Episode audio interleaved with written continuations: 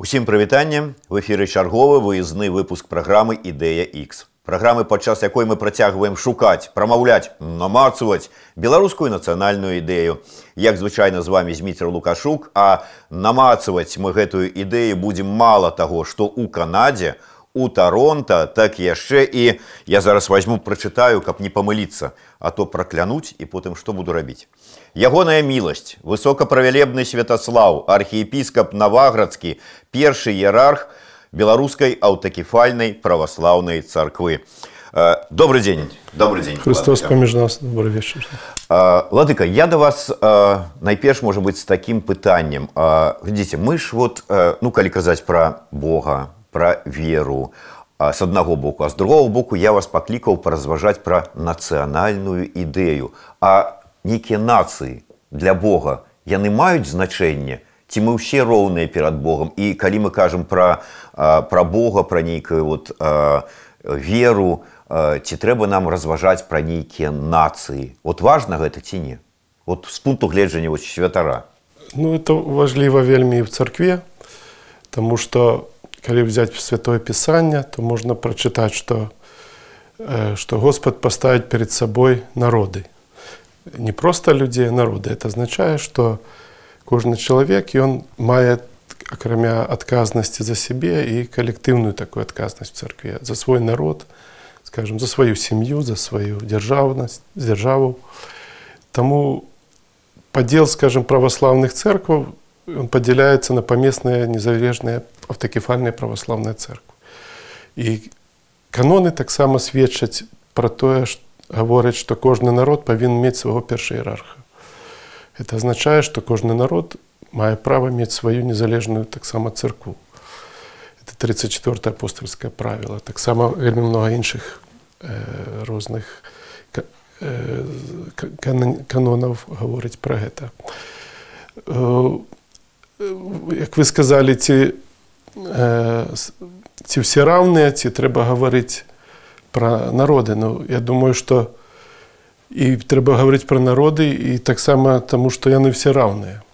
Нема перавілегіраваных народаў у хрысціянстве, скажем, кожны народ ёсць равны. Это пацвердзіў Христос, можам в Евангелі это часто э, чытаць пра гэта. І кожны народ мае таксама права быць незалежным і, і, і будаваць сваё нацыянальнае жыццё. Івангелія гаворыць пра скажем пра іншы пра розныя народы, калі ўсе апосталы э, сышоў святы дух і апосталы пачалі гаварыць э, рознымі мовамі. Чаму рознымі мовамі? Таму што яны ішлі прапаведаваць розным народам яны каб прапаведаваць кожнаму народу трэба каб народ разумеў і таму гэтыя вучні господа яны шлі прапаведаваць і размаўлялі з ім свае кожным з кожнай ягонай мовай таксама і калі славянаў славяне прымалі хрысціянцаў усходнія скажем беларусы таксама направлялі іншых славянаў скажем болгар каб маглі зразумець хаця мова э, не беларуская але блізкая і старая мова славянска на ўсё ж таки была і раней яшчэ бліжэй Таму народ павінен разумець бо адзін з апосталаў сказаў што лепей сказаць некалькі слоў зразумелай мовай малітве, чым скажем 100 слоў незразумелай. Бо мы павінны разумець, бо Бог Господь все мовы зразумее. Але мы павінны разумець, каму для, як для чого мы молімся.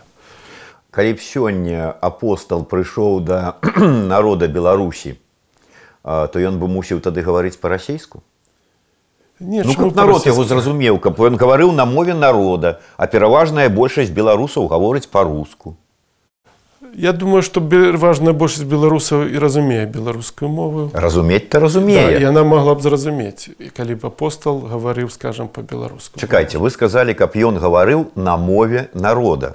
У беларускага народа цяпер у пераважнай большасці мова руская. то тады ён на мове народа па-руску мусіў бы даехаць. Ну але ве- вялікая частка все ж таки на беларускай размаўляе Па- па-другое што большая частка разумее эту мову і лічыць все ж таки народная для это народа беларуска Таму што мы тут таксама можем па-ангельску размаўляць часта і на працы і нават в- вдома але маем свае нейкую родную мову сваю нацыянальнасць сваю нешта што мы захоўваем Я вас не спрабаваў э, как бы подлавіць ці патроліць, а просто э, я подводзіў вас да пытання таго ўсё ж таки вы гаворыце па-беларуску і не толькі са мной зараз але я, я так разумею што і у царкве з паствай э, вы гаворыце таксама па-беларуску казані чытаеце па-беларуску то есть вот э, важнасць э, І службы беларускай таксама. да і службы па-беларуску Э, у чым важнасць э, беларускай мовы э, для вот на ваш погляд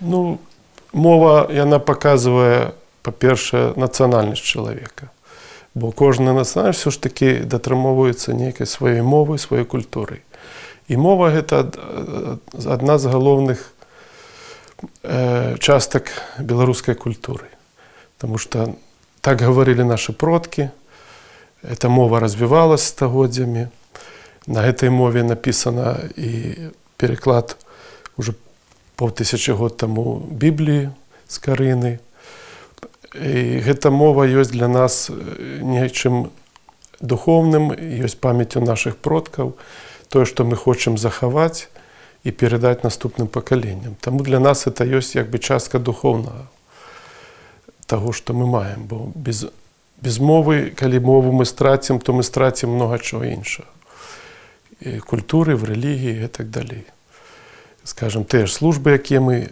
служым тое ж святое пісанне якое калісьці было перакладзена і цяпер перакладаецца новай мовай таму м- мова гэта ёсць яна я думаю все ж таки э, вызначае і псіхалогію чалавека мова сама Таму што мова это нешта духовнае што перадаецца ад пакалення ў пакалення это наша памяць это скажем дзяцінства наше это мы там ездзілі вёску размаўлялі по-беларуску чулі як э, скажем спявалі песні ну скажем калі мне будзем ведаць мову наш беларусы то яны тады страцяць напрыклад і фальклор свой беларускі і страціць э, літаратуру беларускую якую стагоддзямі яна э, склад... стваралася Фальклор я думаю пах... больш тысячи год таму ёсць рознымі песням якія яшчэ паходзяць з дахрысціянства таму э, мова это та частка культуры адна з галоўных якая трымае нашу беларускасць Вы сказалі э, Бог э, даў народу мову яго. І калі э, беларускі народ э, адрокся ад мовы, адмокся, адрокся дзесьці ад сваёй культуры, ад сваёй спадчыны, ад сваёй гісторыі, то ён здрадзіў Богу. Ну ён першую чаргу здраджае сябе, бо чалавеку Бог дае выбар. Э, Як он паступае, ён можа зрабіць добро, можа зрабіць зло. Таксама і на- народ, калі ён дабравольна гэта робіць, э, то это вельмі кепска. Але я думаю, што э, знішчэнне культуры беларускай оно адб- адбываецца не па волі самого народа, а па волі, э, скажем, іншых бывае народаў.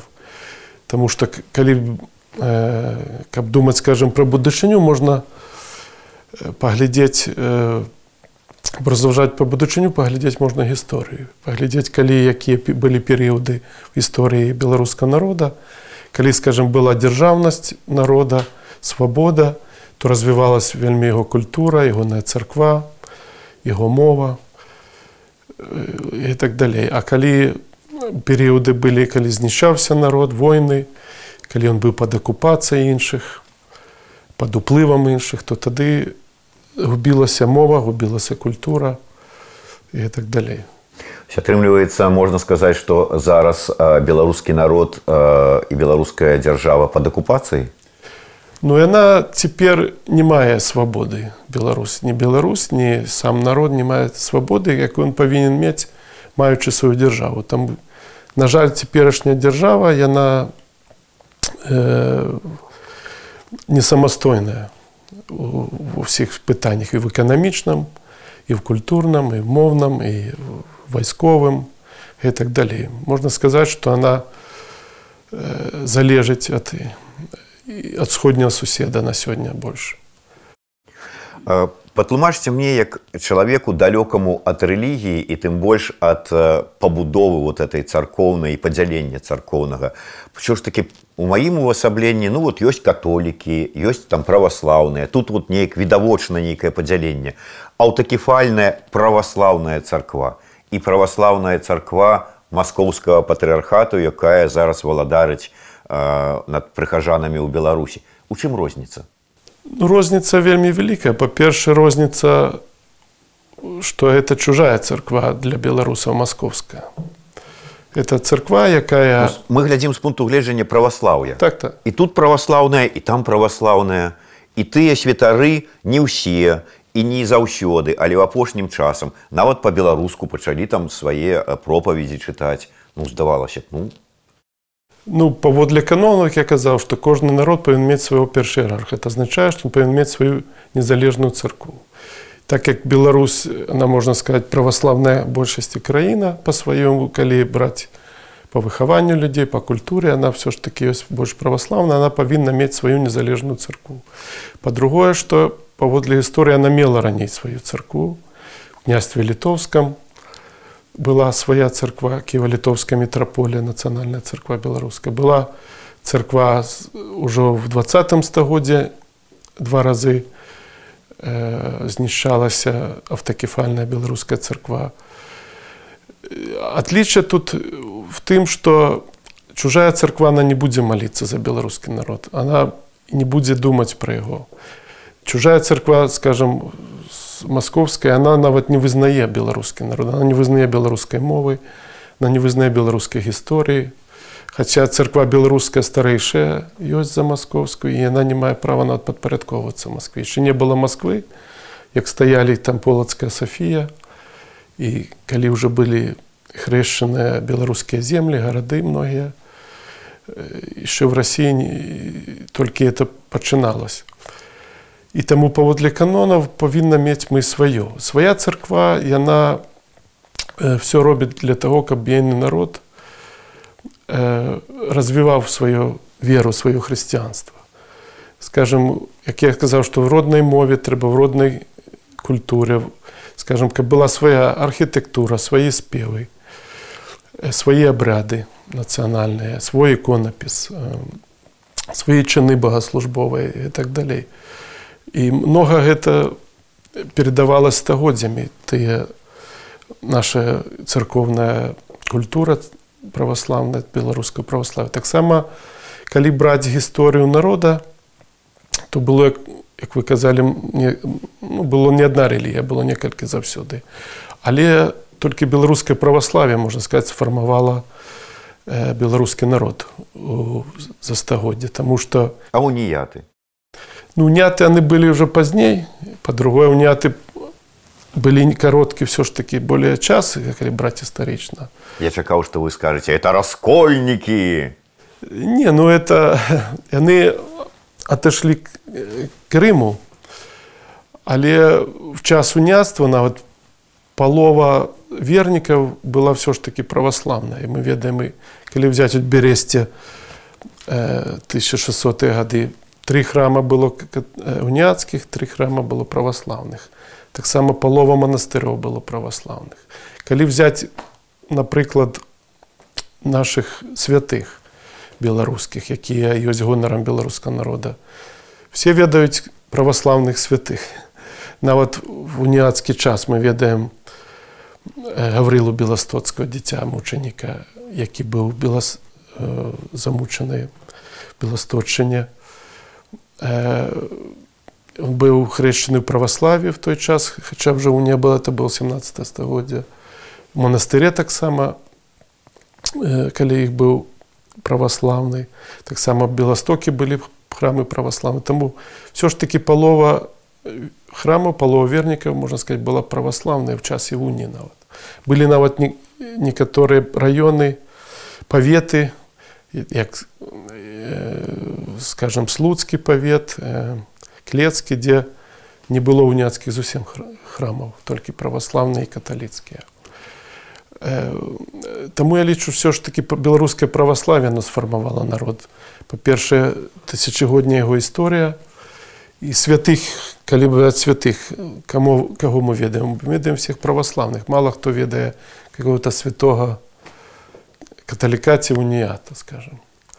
Таму, скажем, была і каталіцкая царква і вельмі много беларусаў было каталікамі, але заўсёды, скажем, каталіцкую царкву называлі ў Беларусі польскай, як яны казалі народ, што мы верай польскай, а гаворкі простай. Таму менавіта я думаю, ўсё ж таки беларуская царква яна заўсёды захоўвала эту беларускасць, захоўвала сваё нацыянальнае, захоўвала именно душу духовнасць народа. Патлумачце мне э, ўсё ж такі як святар, э, як служка Божы. Э, колькі стагоддзяў э, мы ўжо не маем незалежнасці. Э, то э, расійская імперія, то там э, польская э, дзяржава пад імі былі. Спробы ўсе неяк ад, атрымаць незалежнасць, што з паўстання кастуся каліноўскага, што БНР, што слуцкі збройны чын, што потым ну не мелі ніякага поспеху. Зараз мы па выніку маем лукашэнку і ўсю эту русіфікацыю і ўсё астатняе. За што гэта кара Божья на беларускі народ? Ну цяжка сказаць, калі Бог дае нейкія выпрабавання чалавеку або цэламу народу. Добра, я тады па-іншаму э, спытаюся. Э, нам ча, я часам чую, што э, пакаранне гэта Божая ласка. Гэта так Бог правярае. То есть гэта ўсё ж такі кара ці это ласка Божая вот, на беларускі народ, усё то, што мы перажываем. Ну, я б назваў это выпрабаваннем чалавека. Вот скажем, бывае чалавек неверуючы жыве не по законам Божым супраць Бога. Але здараецца нейкае горе ў чалавека і ён тады прыходзіць да Бога часта, скажем, хвароба нейкая цяжкая, ці смертам блізкага чалавека, ці яшчэ нешта. І, та, і часта чалавек, дзяк, дзякуючым такому нейкаму гору, ён набліжаецца да Господа. І такое часта бывае у людзей. Калі ў моладасці, скажем, маеш ты здаровы, бестурботны, не задумаешься за это. Але прыходзіць час, што чалавек задумаецца над духовным, над боскім. І тое самае, як і народ. Калі ёсць такі перыяд, што павінна быць нейкае выпрабаванне, то народ праходзіць гэта і тады ўжо ён ужо па-іншаму нават думае, па-іншаму народ разумее по-іншаму ён жыве ўжо прычым это тычыцца не толькі адно чалавека ці сям'і а нават цэлых дзяржаў Таму вот, напрыклад тая ж Расія якая цяпер вядзе вайну калі не будзе некага пакарання она можа не задумацца вот як а калі нешта станецца што ім прыйдзецца задумацца то яны ўжо пачнуць по-іншаму думаць і тады ўжо можа і пакаюцца і тады чалавек уже па-іншаму у него адносіны да духовна адносіны да Бога адносіны да іншых народаў мяняюцца да суседзяў і да, да іншых то есть калі браць беларускую гісторыю беларускі народ і так царква у его была свая э, якая эту духовнасць развівала беларускі народ не, не нападаў не забіваў іншых людзей в основном это ён абараняўся э, то есть не было такога ідэалогіі такой дзяржаўнай ці царкоўнай захопліваць там землі захопліваць народы пашыряць гэтым э, сваю дзяржаўнасць а некаторыя племёны скажем былі пад неславянскі нават пад княствам літоўскам але іх не, не знішчалі гэтыя племаны жылі развівались хаця не мелі сваю дзяржаўнасць але княства літоўскае оно дзе асноўной ўсё ж такім народам быў беларускі яно жыло па-хрысціянску і з іншымі народамі нават сваёй дзяржаве ці суседзямі можна так агульна сказаць Таму гэта выпрабаванне яно магчыма патрэбна мы не ведаем все тое што Бог як думае як лепей бывае што чалавек думае што лепей так а праходзіць час ён думае што абсалютна по-другому трэба было э, нешта зрабіць і тут таксама і тут што не есть нейкае выпрабаванне вельмі цяжкое скажем войны ці там э, ці это эпідэміі якія вось былі нават недавно ці што іншае оно больш э, выпрабоўвае народ і больш згартоввае і калі браць з гісторыі то много было выпрабаванняў скажем беларускам народзе ці і в іншых народах і народ все адно прыхадзіў э, да думкі, што патрэбна мець сваю дзяржаву, павінна мець сваю царкву, павінны мець э, сваю культуру, мову і так далей. Таму я думаю, што гэта некае выпрабаванне. Яго не можна назваць ні пакараннем, ні, ні міласцю як бы Божай ну не ведаю выпрабаванне загартоўванне і такія пастаянна гэта колькі вякоў выпрабаванні загартоўванне уже загартуе так загартуе для якой місіі гартуе ён беларускі народ ну я думаю что кожны народ спадзяецца што яго ёсць нейкая высокая місія і еще один філосаф сказаў что народ это не то что мы думаем про себе в часе, а то, что мы думаем про нас в вечности. То есть э, народ повинен э, быть моцным духовно, и тогда ему не страшные, скажем, разные такие выпробования физичные. Белорусский народ моцный духовно? Я лічу, что так. Просто что это завсёды сидеть недзе в людях глибоко, і це треба просто достати з їх, каб яны каб народ мог ну, расправіць плечы расправіць дух свой зразумець много чого і змагацца вот толькі баюся што ў беларускім народзе это так глыбока сядзіць што вельмі цяжка дастаць ну тут бачыце стагоддзямі это знішалася много апошнімі Таму зразумела што але гэта я думаю ёсць таму што паказваюць 20 стагоддзя і недаўныя падзеі што беларуска народа духоўнасці свабоды она прысутнічае ў душы Дарэчы калі ўзгадалі апошнія падзеі ведаеце я ў двадцатым годзе пазнаёміўся з ксянзом барком калі чулі такога Вот. І ён мне тады ў двадцатым годзе яшчэ і потым паўтараў і пазней Вячеслав да, Вячеслав барок пазней паўтараў, што па яго перакананню вось тыя падзеі, якія адбываліся ў двадцатым годзе, гэта ну, як ён тады казаў, гэта чарговая, Беларусь стала полем бітвы паміж добром і злом, паміж цёмнымі і светлымі сіламі такая вось чарговая вайна там апакаліпсіс ці не але і тут да вас пытанне ці згодны вы з такім поглядам на тыя падзеі ксенза барка і по-другое атрымліваецца мы прайгралі гэтую бітву светлыя сілы прайгралі не мы не я думаю мы не прайгралі добро не прайграла не праграла злу Таму што гэтая барацьба яна ёсць вечная добра і зла на землі там дзе ёсць чалавек ёсць добро і зло то гэта змаганне оно ёсць пакуль жыве чалавецтва это змаганне будзе праходзіць але зразумела што в двадцатым годзе уже было такое загострэнне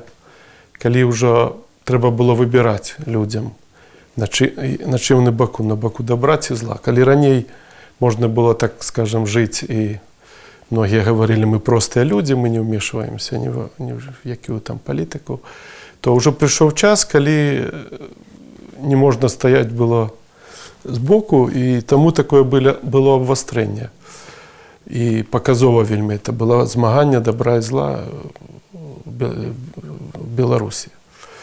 Але много чого народ зразумеў. Па-перша, пабачылі, што беларускі народ он ёсць все ж таки адзіны і все ж таки бальшыня народа была супраць зла. Адзінае, што не змаглі перамагці у гэты час. Але я думаю, што бліжэйшы час будзе все зменьвацца, все будзе залежаць і ад ваенных падзей у краіне і, і можа змяніцца вельмі хутка. Як вы памятаеце, як Савецкі Саюз распаўся, сёння быў праз тры дня яго ўжо не было. Тое самае в Беларусі влада можа змяніцца вельмі хутка. Это все будзе залежаць не толькі ад беларусаў, на жаль, але і ад свету всего, ад Европы, ад Украіны, ад рассеі, тое ж суседа і так, і так далей. Таму гэта змаганне патрэбна яно ідзе заўсёды. У любыя перыяды яно это змаганне было. Просто было змаганне, калі скажем, менш людзей гінула, было калі шмат людзей гінула і так далей. Калі это было не, не бачна, а калі это было вельмі ўжо э, бачна всем всему свету скажем калі ізноўку казаць зараз глядзець на двадцаты год мы тады ўсе былі зачараваныя беларускім народам і яго мірным негвалтоўным супрацівам гэтаму рэжыму зараз мы выдатна разумеем што той рэжым лукашэнкаўскі яго вот этими мірнымі пратэстамі не скінеш шмат гавораць пра тое вот у мяне тут была сустрэча з байцом палка каліноўскага паўлам шурмеем дзядзькам і ён кажа ну не, не рухнуць муры самі сабой іх трэба зносіць а, вось вы як святар блаславілі б беларускі народ на сілавое знясенне гэтага рэжыму і гэтых муроў? Ну царква беларуская праваслаўная наша она заўсёды дабраславляла каб беларусы абаранялі сваю краіну. І в данном выпадку это не просто нейкае змаганне нейкіх там партый ці а гэта менавіта беларусы змагаюцца за сваё дзяржаўнасць за сваю свабоду за сваю э, культуру таму тут пытанне что той бок які цяпер пры владзе гэта ёсць вораг беларускага народу і зразумела што з ворагам трэба змагацца і змагацца і зброі в тым ліку царква заўсёды дабраславляла абараняць сваю дзяржаву нават ёсць чына свячэння зброі і калі людзі абараняюць сваю дзяржаву то гэта не проста іхняе права это іхні доўг гэта рабіць Таму я лічу што павінна быць абарона дзяржавы і таксама са зброяй, Таму што вораг пашоў на народ са зброяй. Ён забіваў народ, сажаў цюрмы і так далей. Тое сама павінен народ мае права взять зброю і вырашыць все пытання э, такім хрысціянскім кірунку. Я прыгадываю э, такая навіна была пра тое, як кіраўнік беларускай праваслаўнай царквы маскоўскага патрыархата веніамін ездзіў ці то да мапа ці то да гэтую частку спецназа мар'іну горку і асвячаў ім там зброю ось ён фактычна гэтых вось э, сілавікоў якія адзначыліся гвалтам супраць беларускага народа вось гэта як вы казалі чыны свячэння зброі правёў э, то есть іх блаславіў на гвалт супраць беларускага народа вся атрымліваецца праваслаўная царква это маскоўскі патрыархат ну фактычна прызнаў сябе такім такімі дзеяннямі ворагам беларускага народа ну так справа как я казаў што чужая царквана не будзе змагацца за свой народ і маліцца нават за яго Московская церква робіць все то, што хоча Москва. То есть она робіць все для сваёй дзяржавы, для свайго народа. І таму менавіта павінна быць в Беларусі свая нацыянальная царква, якая будзе думаць пра свой народ маліцца за яго абараняць яго духовна скажем. То есть так само гэта паказвае пра тое, што маскоўская царква яна працуе не на народ, не на вернікаў, думае а пра залежаць ад улады от уладаў цяперашніх і робіць не то, што павінна рабіць па хрысціянскім законам, а то, што указвае Лукашенко ягоная ўлада. Таму это яшчэ раз гаворыць пра тое, што павінна быць па-перша свая царква. Па-другое, это гаворыць пра тое, што маскоўская царква, яна як і маскоўская дзяржава ёсць імперская. Для ее галоўна это расійскі мір, это рас... что такое расійскі мір? Это фашысцкая нейкая э, ідэалогія, якая э, прадугледжвае знішэнне невызнання і знішчэння іншых народаў, насаджэнне ім іх сваё, свайго всего, свайго кіраўніцтва, лікую царкоўнага, она не вызнае ні мовы, ні культуры, і што такого народа беларуска не існуе. Таму зразумела, она паказвае всем, што яна ёсць ворагам для народа і для праваславя ў Беларусі. Таму як бачым, вера можа быць адна праваслаўна, але абсалютна іншая царкоўная ідэалогія, царкоўная палітыка можа адлічвацца значна. Таму скажем многіх многія дзеяння іншыя праваслаўныя церквы не вызнаюць маскоўска. скажем это ж расійскі мір это ёсць парушэнне таксама канонаў про тое што гаварылі што нацыянальная все народы павінны быць аднолькавы але рускі мір прадугледжвае што Росія расійскі народ ён лепшы расійская царква чым іншыя і мае больш як бы нібы нейкіх правовых і так далей А мы выступаем за то што все народы павінны быць роўныя і все людзі павінны быць роўныя рэлігіі павінуць роўныя але мы хочам э, захаваць менавіта сваё сваю свой народ сваю культуру сваю дзяржаўнасць і царква беларуская праваслаўна автакефальная она ёсць дзяржава творчая мы заўсёды выступалі за дзяржаўнасць нашего народа Таму што калі ёсць дзяржаўнасць тады ёсць і незалежная царква калі мы страчаем эту дзяржаўнасць мы страчаем і царкву і все іншае народзе. Таксама хацеў яшчэ сказаць, што часам царкву разглядаюць як проста частку культуры. Але сапраўды царква, рэлігія, яна ёсць падмуркам усей культуры, якая стваралася тысячу год, скажем, у Беларусі.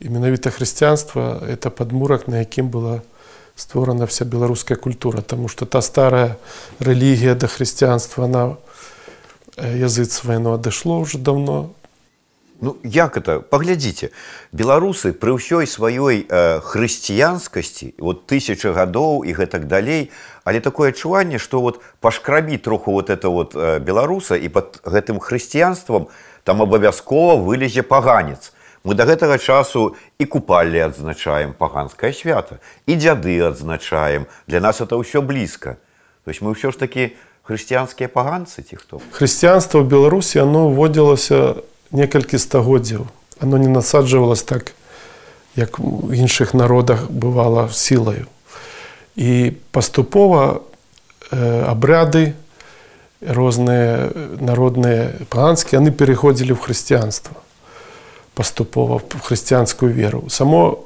э, паганства як рэлігія оно была ўжо давно у знішчана таму што не засталось ні малітваў ні такіх абрядаў але засталіся розныя святы засталіся многія словы нават слова святар я думаю оно перайшло из паганскай рэлігіі в хрысціянстве многія словы перайшлі і таму зразумела што мы маем розныя такія як іншыя народы маюць язычаскія некаторыя абряды народныя якія ў нас засталіся это ёсць і в каталіцкіх народаў і праваслаўных што многія абряды засталіся нацыянальныя і то ж самыя дзеды гэта павага да продкаў культ продкаў яно засталася у нас і в беларускай царкве праваслаўнай тое самае і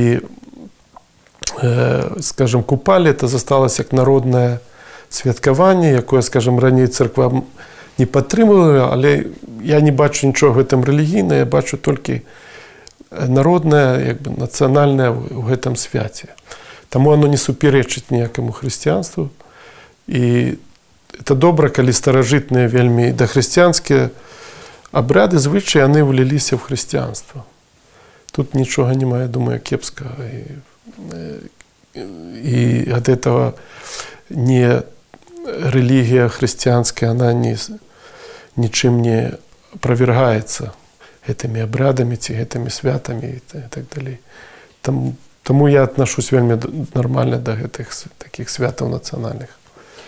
Ці сапраўды э, ёсць гэта вось ну я не ведаю падыход такі ці за запавет ці як это правильно назваць э, вот які двумя словамі выказваецца падстаў другую шчаку То есть вот я умоўна умоўна кажу вот вы казалі про тое что там скажем сілавы супраціў ты ці знясення гэтага лукашэнкаўскага рэжыма ну ён нас б'е а нам тады трэба што падставіць другую шчаку Ну тут бачыце тут гаворыцца пра талерантнасць сам беларускі народ он вельмі талерантны вы самі верыце ў гэта что беларускі народ талерантны ну гэта мы пакуль бачым талерантнасць это разумеется не то что ты поддаешься іншым талерантнасць это чалавек ён не адказвае сразу тым як да яго относятся скажем калі чалавеку нешта зрабілі зло ён не павінен зрабіць другому зло в адказ это можна сказать было так в старым запавеце вока за вока А тут гаворыцца менавіта, што калі нешта толькі дабром можна перамагці. Але калі ёсць нейкія ваенныя дзеяння, то тады мы дастаем стары запавет. Не, тады мы думаем, а што рабіць, калі нас па другой шчаке удараць. Пра гэта не сказана Іван. І мы тады павінны зразумела захішацца. Таму што так як от, э, быў у нашай царкве адлучаны ад праваславя быўшы прэзідэнт лукашенко ён быў не зразу адлучаны а павінна мець нейкія для гэтага ўжо такое не такія злочыны якімі он уже можа павін быць адлучаны то есть можна адлучыць было і зразу яго там на пасля выбараў на заўтрашні дзень ведаючы што будзе наперад але мы не можемм рабіць судзіць за тое што будзе мы можемм судзіць за тое што ёсць за тое што было і таму прайшоў час калі ўжо былі эти злочыны вельмі бачна і тады гэты злачынец быў адлучаны ад царквы разумееце той самае беларускі народ он не мог зразу дастаць аўтаматы і страляць это як бы не па-хрысціянску каб сваю свабоду а калі ўжо на яго уже відавочна было што пачалі знішаць то пасля гэтага ўжо есть такое право і самому заставаць зброю но ну, это такі скажем в любой супольстве такое ёсць что калі вас бандит стреляе то вы в адказ уже можете стрельнуть але вы не можете его первым стрельнуть тады вы будете виноваты вы тады напали на это тому я думаю что это э, гаворыць менавіта про ту толерантнасць что мы не павінны перавышаць э, э, свае правы.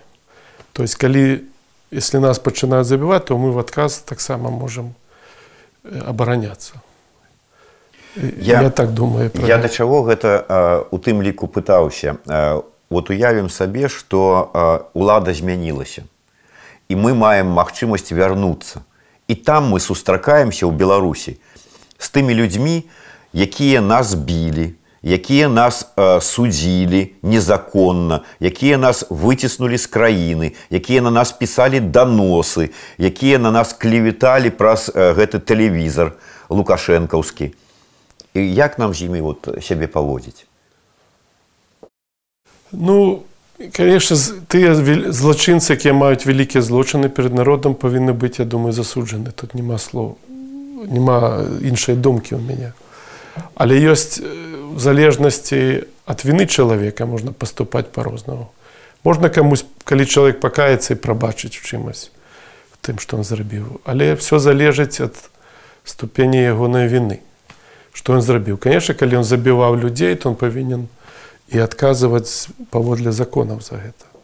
Ведаеце я размаўляў з выдатным навукоўцам выкладчыкам полацкага дзяржаўнага універсітэта які ну маючы такія сур'ёзныя хваробы а там сядзеў у турме у шыза і потым ўсё ж такі выехаў і зараз у Польшчы і мы закранули вось гэтую тэму і я казаў што вот вы гатовыя там прабачыць там як это кажуць зараз модна казаць перагарнуць старонку і ён кажа што да я гатовы прабачыць я ему кажу і нават тых хто вас асабіста катаваў там у турме у полацку у наваполацку і ён кажа не а вот ім не гатовы і улічваючы колькі рэпрэсій колькі гвалту і зла было зроблена і якой колькасці людзей таких не гатовых прабачыць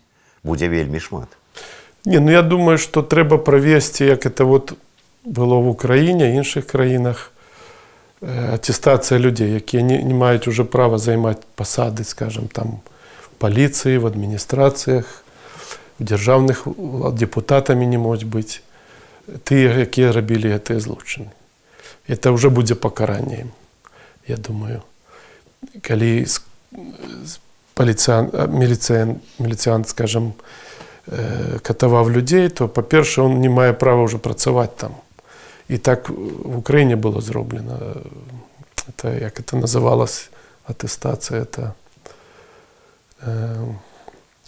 і в польше так рабілась люстрацыя люстрацыя та люстрацыя па-першае это ўжо пакаранне гэтым людзям то есть а в залежнасці ад таго як яны зрабілі злочыны тому что розны чалавек можа быць злочыны мець камусь можа і будзе прабачана а хтосьці будзе адбываць срока хтосьці не будзе права працаваць на, на такой пасадзе дзе он працаваў А як будете праводзіць люстрацыю э, вот, ну, как бы па у асяродку э, святароў і церкваў ну вот мы с вами говорили про то, что э, московский патриархат, белорусское вот это их э, отделение, э, яно себе заморало супрацей с лукашенковским режимом.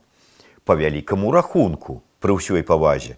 Але и э, католицкая церква в Беларуси так само ну, проявила себе не вельми годным тем, что молчить. И она не супрацовничая, але она молчить э, с нагоды того, что отбывается – і што вот што рабіць імі тады прыходзіць аўтакефальная беларуская царква і кажа вас люстрыруем і зганяем з беларусі ці як ну, я думаю что некаторых тых хто менавіта вінена эта іерархія то яны не як яны сябе заплюналі ў такім супрацоўніцтве то яны не могуць быць заставацца іерархамі беларускай царкве не могуць быць Ну, як па ўкраіне вот вы часта казалі, то есть атрымліваецца як скажем БПЦ забараніць у Беларусі, як ва ўкраіне забаранілі.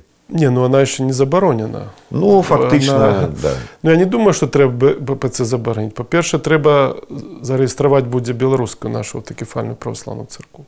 Каб она мела там э, магчимость э, служить и, и, и працаваць. И тады народ може сам побачить многие людзі бо забараніць рэлігію як бы немагчыма поўнасцю але трэба такія рабіць умовы каб яны каб царква сама хацела мець сваю незалежнасць Таму что я не думаю что той же венямін не хацеў бы быць перыерархам беларускай царквы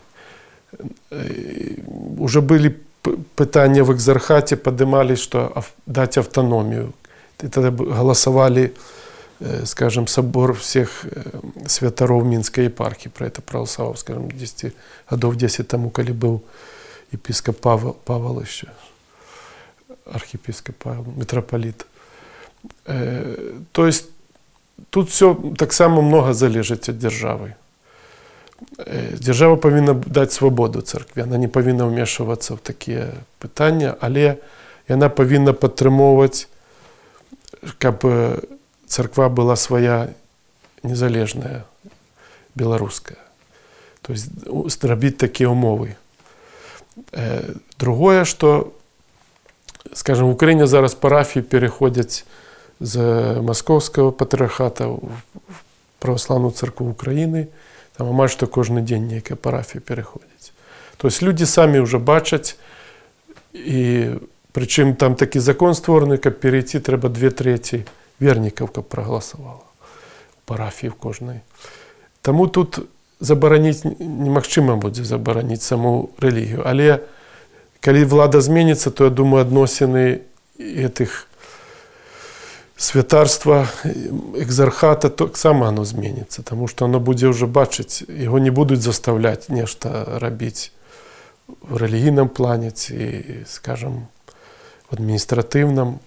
І яны самі прыйдуць да таго, што ім трэба незалежнасць ад Масквы. Яны да гэтага прыйдуць. Да гэтага прыходзілі все іншыя церквы, якія стваралі сваю автакефалю незалежнасць. Скажем, грузінская церква в 1917 годзе вярнула сваю автакефалію. І, дарэчы, першы патрыарх быў быўшы епіскап полацкі, грузінскі патрыарх. І он стаў мучанікам быў забіты, скажем. Тое самае Польшы автакефалію яны захацелі святарства в 24 годзе было дана ім 1924 Константинополем.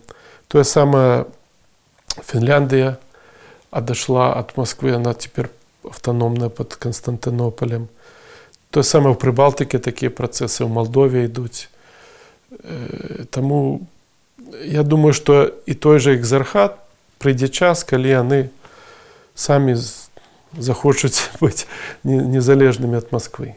Добра, але э, от калі ёсць там і каталіцкая і, і э, там іншыя там можа быць веравызнанні, церквы і ўсё, але э, ці ім вырашаць э, там на якой мове там і э, весці службу і там казані казаць і выдаваць нейкія скажем святыя там пісанні там ці яшчэ якое што-нибудь літаратуру царкоўную ці гэта мусіць быць нейкі такі ну не ведаю одно на адном нейкае так вот прызнана раз ну раз ты ў беларусі то значит на дзяржаўнай мове дарэчы якая і колькі дзяржаўных моў павінна быць у беларусі ну я думаю что звычайна калі ёсць адзін э, асноўны народ то адна мова дзяржаўная так в розных краінах калі ёсць краіны якія скажем та швейцарія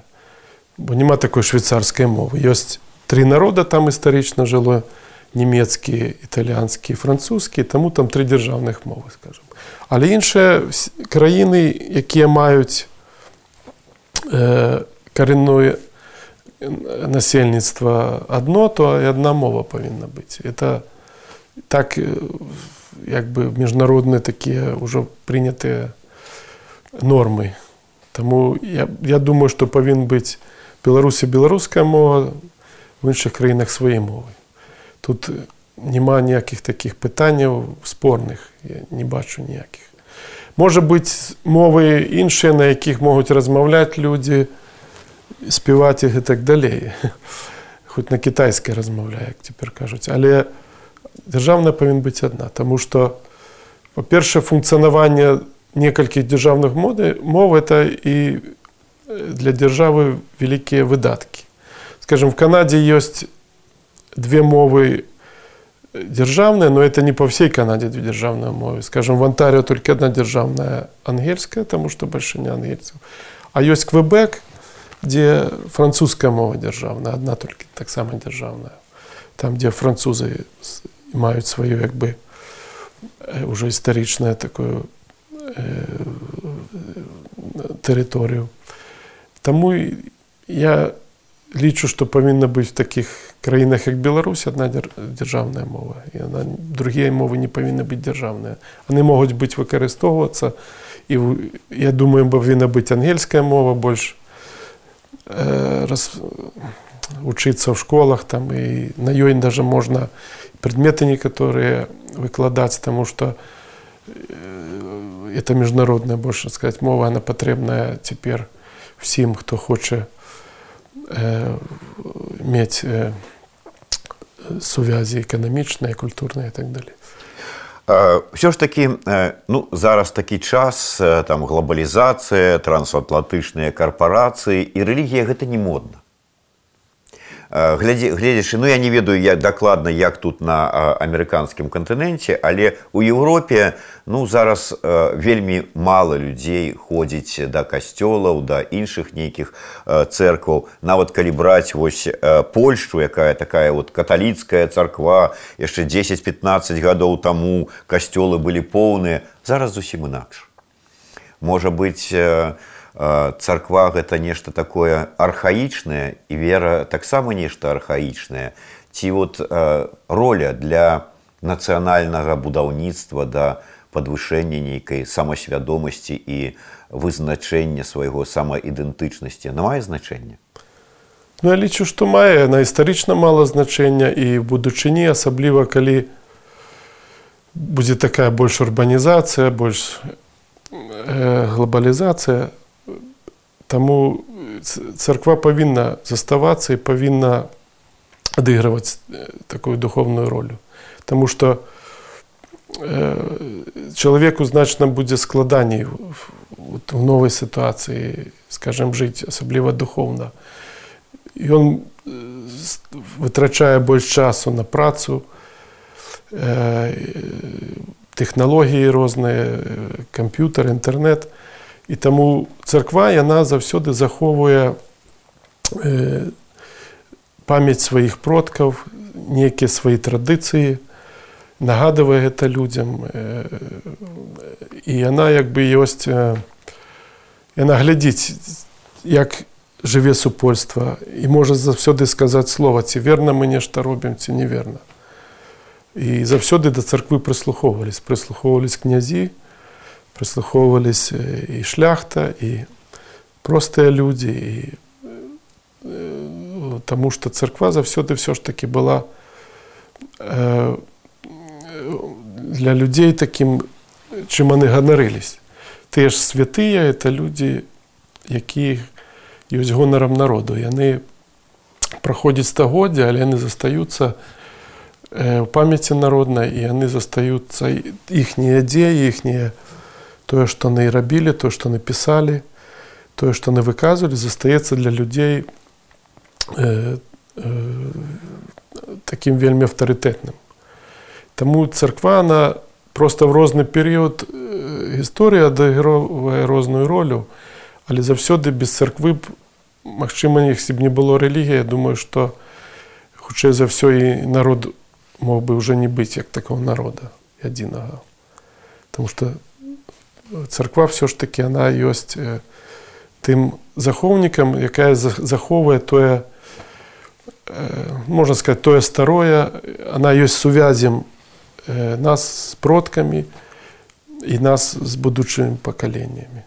якая маецца увазе связь з продкамі напрыклад тому что наши продкі ўжо находзяцца у тым іншым свеце они знаходзяцца в царкве небеснай уже сказать можна каля Бога іхнія душы і І мы заўсёды молімся да наших святых да за наших продкаў і разумеем, што яны будучы там моляцца і за нас і дух связі та малітва это тое, што связывае нас з Богом, як мы можемм размаўляць і так тое, што мы як мы можемм э, размаўляць з нашими продкамі за дапамогай малітвы. Таму царква это вельмі неабходна як такая духовная галоўная інстытут можна сказаць духовны народа глядзіце раней беларусы как бы ведалі сваіх там продкаў неяк там да ну наколькі там каленаў а зараз добра калі памятаюць як бабулю звалі а які там быў прабабуля пра дзядуля і ўвогуле якое там пятое калена дык ніхто ўжо і не ведае і не цікавіцца самае галоўнае гэтым то есть мы згубілі сувязь з продкамі і што што за гэта нам будзе якія якая небяспека не ну не лічу што мы згубілі з продкамі сувязь тому что просто это сувязі э, абрываюцца з-за таго что скажем такое з таго такія былі часы что войны все знішалось гарэлі хаты гарэла церквы архівы знішались э, рукапісы Наприклад, Московська церква в 19 столітті спалювала просто рукописи, рукописні книги, вазами возили там Віленською э, консисторію. Такий був Сімашка, митрополит, ви ведаєте. І все це спалювало, означало, тому, можливо, нечто, многое що прервалося. Але ми пам'ятаємо наших продків, все ж таки ми для нас продки є наші, наші діди. Ми маємо культ дідов. Тому ми ведаємо ті, откуль, в яких вёсках вони народились, все ж таки, де жили. Наведуємо могліці наших там дідов, кого ведаємо. Тому такого я не думаю, что белорусы отмовились и от продков, ці, скажем, перервали. Просто такие умовы, что были, что кожное поколение было некие революции, войны, и все это прерывалось, можно сказать так. Але я думаю, что есть архивы, есть люди могут много чего обновить, доведаться – про своих дзядоў про сваіх продкаў про так галоўнае каб жаданне да гэтага было уявім сабе суд судзяць лукашэнку не могуць вызначыцца які прысуд даваць ну выніку кажуць так добра як уладыка святаслав скажа так і зробім ваша ваш прысуд э, ну я не справа тым што царква не можа судзіць людзей бог судзіць Таму царква ніколі праваслаўная она не беларуская ніколі не судзіла нікаго. Я зараз казаў не пра царкву. Я казаў пра вас. Так, але я асабіста ж не магу выступаць як не, толькі магу царквы выступаць. Таму царква не можа судзіць. Царква можа только выказаць свае адносіны до так, некага чалавека. І вот скажем тое, што наша царква э, отлучила от православия Лукашенко, это есть наше выказывание, наша думка э, про то, как люди ведали, как относиться до этого человека. Але это не значит, что мы его отправили в ад. Только Господь будет решать, куда он пойдет. Шкода. Тому тут э, только мы можем свое вы, выказать свои относины. И мы там все, все сказали в этом э, одлучэння ў гэтым ванапамі ванатамі гэтай Таму судзіць павінен суд ёсць ёсць влада рэлігійная дзяржаўная і судовая і ну, там цяпер выканаўчая і, і судовая Таму яны павінны кожны павінен займацца сваім этим справам Уявім сабе што да вас Господь звяртаецца і кажа сын мой прасі што хочаш ваша просьба? Ну, это, ну, я б хотел, как Беларусь жила, как мы говорим, живе Беларусь, живе вечно, как бы она жила вечно и жила. Вот это головне. А все інше ми можемо все э, самі здобути. Добре, а ось ви э, там звертаєтеся, от зараз стоїте на, на такому от як правильно амвоне маеце магчымасць вярнуцца да ўсяго беларускага народа дзе б ён не знаходзіўся у беларусі у канадзе в аўстраліі у польшчы там неважно что б вы сказали ну, я э, попрасіў всех беларусаў заставацца беларусамі дзе б яны не находзілись в якіх умовах в якой краіне при якой уладзе калі не застануцца беларусамі то прыйдуць і лепшыя часы іхнія нашчадкі будуць таксама беларусамі і тады яны будуць захоўваць памяці пра іх.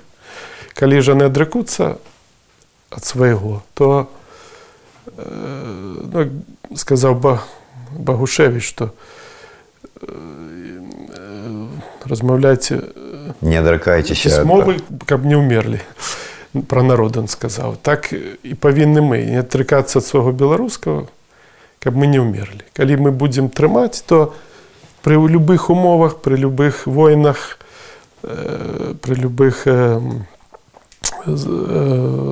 оккупациях мы все одно одродим свою белорусскую державность, культуру и, и, и вернемся назад. А вот мог бы сказать, заставайтесь белорусами, и як там у классика, и точите хлопцы косы, да? Не, ну это уже потребно, как быць э, мець сваё, то трэба абараняць, разумела. Это гісторыя нам паказвае, што без кожнае пакаленне нешта э, мела нейкія э, войны, нейкія перыяды, калі абаранялі сваю дзяржаву по-рознаму. Нават трымалі беларускасць, калі там расстрэльвалі ўсіх, заганялі ў калгасы, адпраўлялі Сібір, але заставаліся беларусамі. Таму прыходзіць час, калі это все адраджаецца. Калі это не будзе знішчана, то оно адродзіцца. То есть калі корень не зрубаць,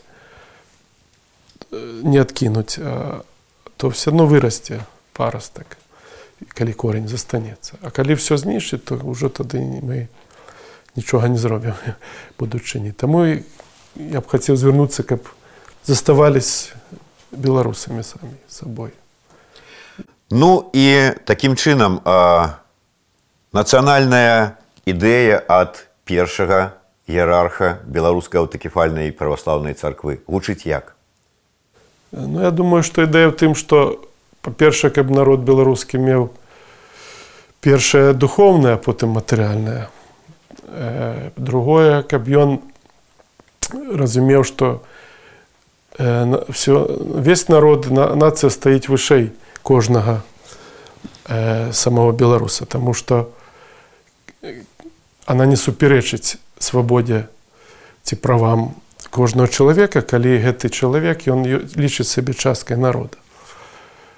Ну і трэцяе, каб э, таксама э, трымаліся і веры сваіх продкаў і разумелі, што менавіта беларускае праваславе но сфармавала беларускі народ і это та царква, якая ёсць родная для беларусаў. Вера, нацыя, гісторыя. Ну, духовнасць можна сказаць. Ну гісторыя тоже это ж частка. Вера, нацыя, духовнасць.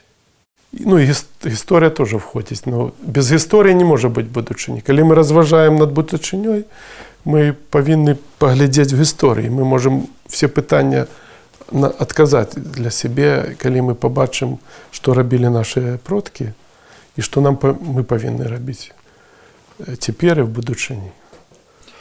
Дзякуй вялікі Ну што ж у мяне для вас ёсць невялікі такі падаруначак гэта наша цішотка ад еўрарадыё з такім вось надпісам праз Беларусь да зораў да касмічных зораў да космоса да Бога можа быць так што дзякуй вялікі ўладыка гэта Дякую. вам